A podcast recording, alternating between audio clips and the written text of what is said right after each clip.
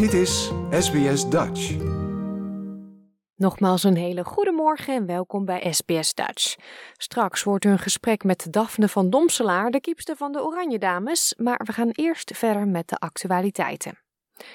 Nederland en Indonesië vieren de terugkeer van tal van culturele artefacten, waarvan sommige tijdens de koloniale tijd met geweld zijn buitgemaakt.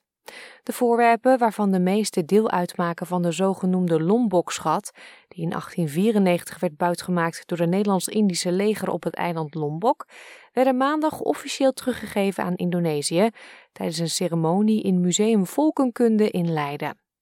Hilmar Farid is directeur-generaal cultureel erfgoed van het Indonesische ministerie van Cultuur. Um, we are really delighted. No, um, this is a very historical moment for both of us. I think Indonesia and Netherlands, and the relationship between the two.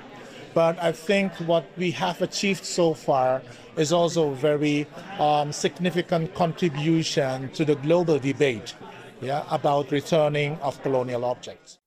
Dat wereldwijde debat concentreert zich vaak op aanhoudende spanningen tussen Griekenland en het British Museum over het behoud door het museum van de oude marmeren artefacten die aan het begin van de 19e eeuw door Lord Elgin van de Acropolis zijn verwijderd.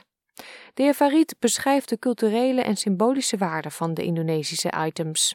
Yeah, we consider these objects as um, missing items in our historical narrative. Um, and of course, uh, they play uh, different roles symbolically, culturally. Um, for example, um, these statues that standing behind me, they have um, a particular role in rituals.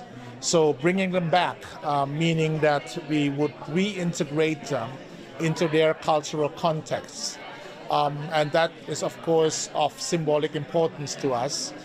De Nederlandse staatssecretaris van Cultuur en Media, Gunay Oesloe, spreekt over het belang van deze teruggave. So it's a historical important uh, moment, not only for uh, I think the Netherlands and Indonesia, is also an important uh, uh moment for the world because uh, uh, it, it's about colonial objects in a colonial context. So it's a sensitive topic, and now we are with Indonesia and the Netherlands, we're together um, um, also looking forward and, and giving objects back, doing research, working together, and uh, also exchange museum professionals. So it's, yes, the history, and, uh, but it's also the future. De Nederlandse regering kondigde vorige week de teruggave aan van de Indonesische schatten en geroofde kunstvoorwerpen uit Sri Lanka. Het teruggeven van zogenaamde roofkunst gebeurt wereldwijd steeds vaker. Een Berlijns museum kondigde in januari aan dat het klaar is om honderden menselijke schedels uit de voormalige Duitse kolonie Oost-Afrika terug te geven.